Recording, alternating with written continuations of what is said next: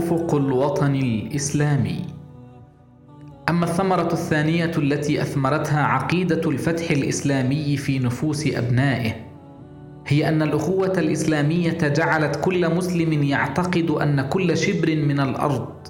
فيه أخ يدين بدين القرآن الكريم هو قطعة من الأرض الإسلامية العامة التي يفرض الإسلام على كل أبنائه أن يعملوا لحمايتها وإسعادها.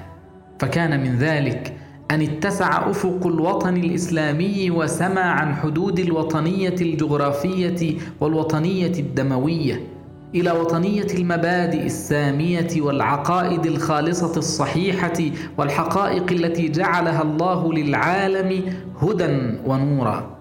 والإسلام حين يشعر أبناءه بهذا المعنى ويقرره في نفوسهم يفرض عليهم فريضة لازمة لحماية أرض الإسلام من عدوان المعتدين وتخليصها من غصب الغاصبين وتحصينها من مطامع المعتدين.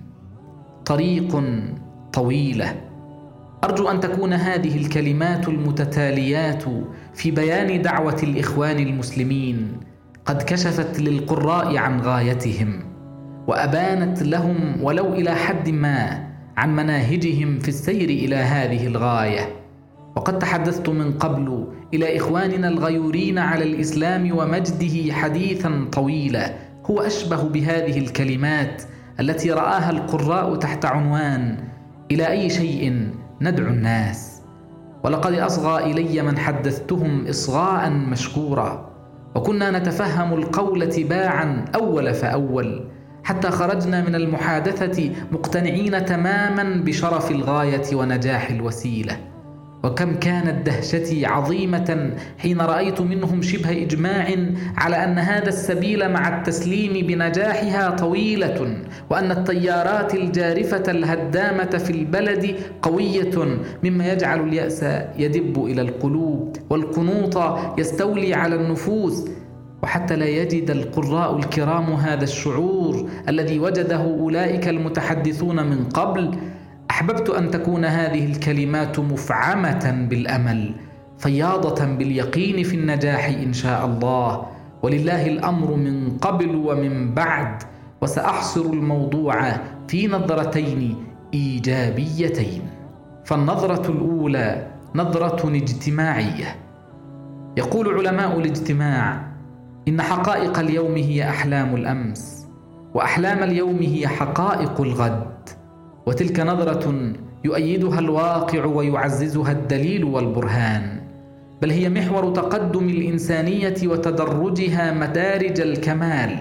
فمن ذا الذي كان يصدق أن يصل العلماء إلى ما وصلوا إليه من المكتشفات والمخترعات قبل حدوثها ببضع سنين؟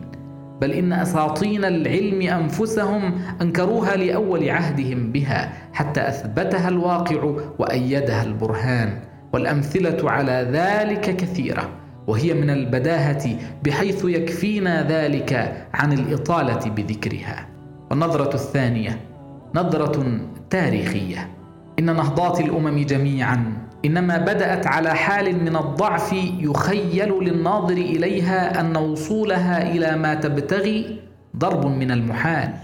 ومع هذا الخيال فقد حدثنا التاريخ أن الصبر والثبات والحكمة والأنات وصلت بهذه النهضات الضعيفة النشأة القليلة الوسائل إلى ذروة ما يرجوه القائمون بها من توفيق ونجاح.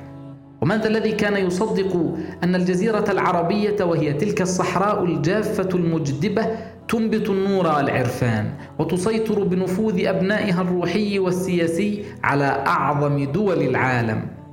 من ذا الذي كان يظن أن أبا بكر صاحب القلب الرقيق اللين وقد انتفض الناس عليه وحار أنصاره في أمرهم يستطيع أن يخرج في يوم واحد أحد عشر جيشا تقمع العصاة وتقوم المعوج وتؤدب الطاغي وتنتقم من المرتدين وتستخلص حق الله في الزكاة من المانعين. من ذا الذي كان يصدق أن هذه الشيعة الضئيلة المستترة من بني علي والعباس تستطيع أن تقلب ذلك الملك القوي الواسع الأكناف ما بين عشية وضحاها وهي ما كانت في يوم من الأيام إلا عرضة للقتل والتشريد والنفي والتهديد.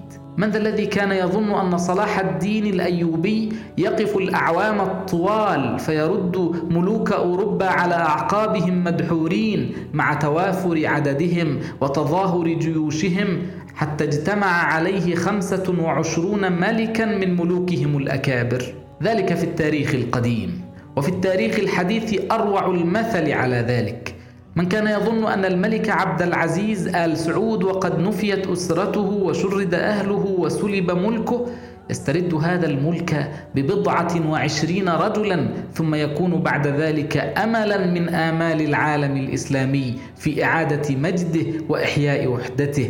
من كان يصدق أن ذلك العامل الألماني هتلر يصل إلى ما وصل إليه من قوة النفوذ ونجاح الغاية.